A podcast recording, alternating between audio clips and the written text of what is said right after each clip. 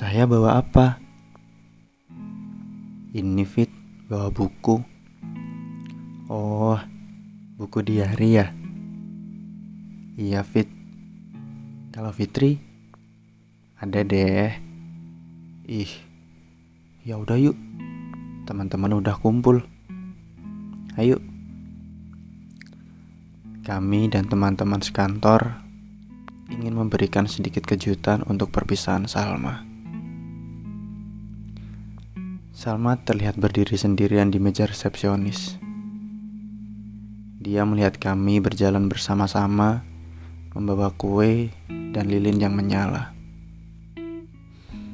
Dia kaget dan berlari langsung memeluk Fitri. Dia menangis. Fitri yang dari tadi menahan tangisnya pun ikut menangis. Teman-teman bergantian bersalaman dengan Salma. Tetap semangat ya. Semoga menemukan tempat yang lebih baik. Jangan pernah patah semangat.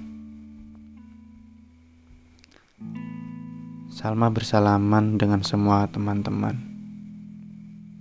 Sampai terakhir denganku yang ada di barisan paling belakang. Dia menatapku. Senyum yang bercampur dengan air mata. Dia juga memelukku. Tiba-tiba.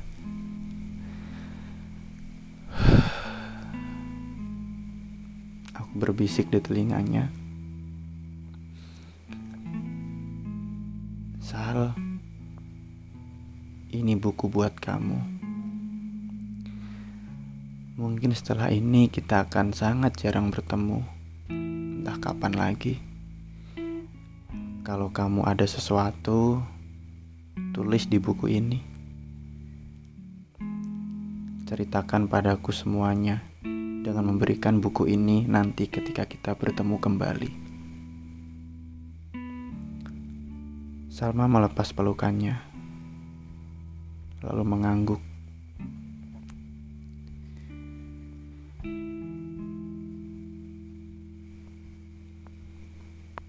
Salma sama sekali tidak berkata-kata. Dia hanya tersenyum dengan air mata.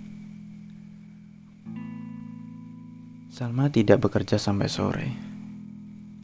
Siang ini dia pulang. Benar-benar pulang. Kami mengantar Salma sampai ke depan kantor. Di depan kantor sudah ada mobil. Aku mengenali mobil itu. Mobil yang sama ketika kita, aku dan Fitri mencari Salma yang katanya sakit kemarin. Ya, mobil tunangan Salma.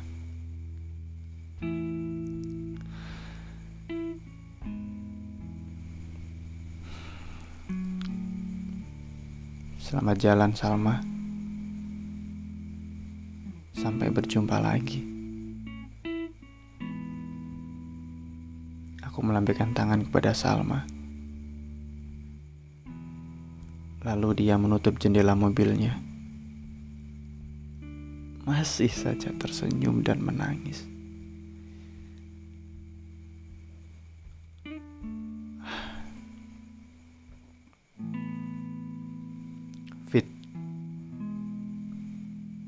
Tadi kamu kasih apa sih ke Salma? Kepo banget sih, Cah. Kasih tau lah, Fit. Lalu Fitri mengeluarkan handphonenya. Tadi aku kasih ini, Cah. Fitri memperlihatkan foto selfie antara aku, Fitri, dan Salma. Kami bertiga ketika ada di pos ronda kemarin malam. Sekarang gantian aku yang menangis. Fit,